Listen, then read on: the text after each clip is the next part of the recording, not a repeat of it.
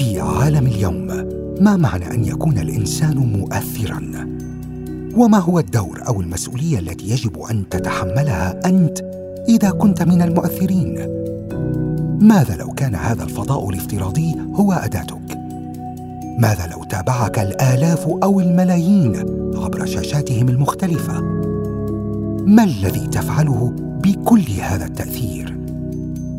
وإذا كان بإمكانك أن تغير شيئا واحدا في العالم ماذا تغير؟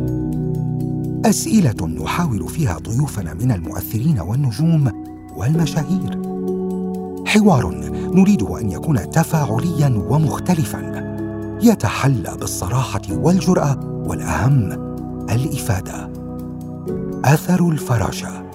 برنامج جديد من الجزيرة بودكاست. معي أنا خالد مجذوب